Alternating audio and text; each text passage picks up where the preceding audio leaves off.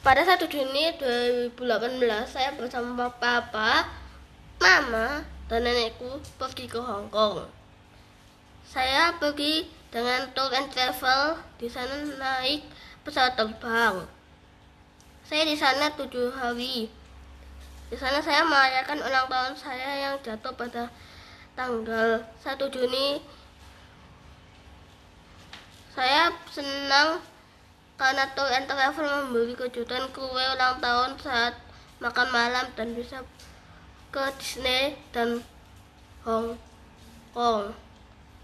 Di sana bisa melihat secara langsung pertunjukan kostum dan bang bangunan unik yang biasanya saya hanya bisa melihat di TV sekarang bisa dilihat langsung seperti Mickey Mouse, dan Winnie the Pooh.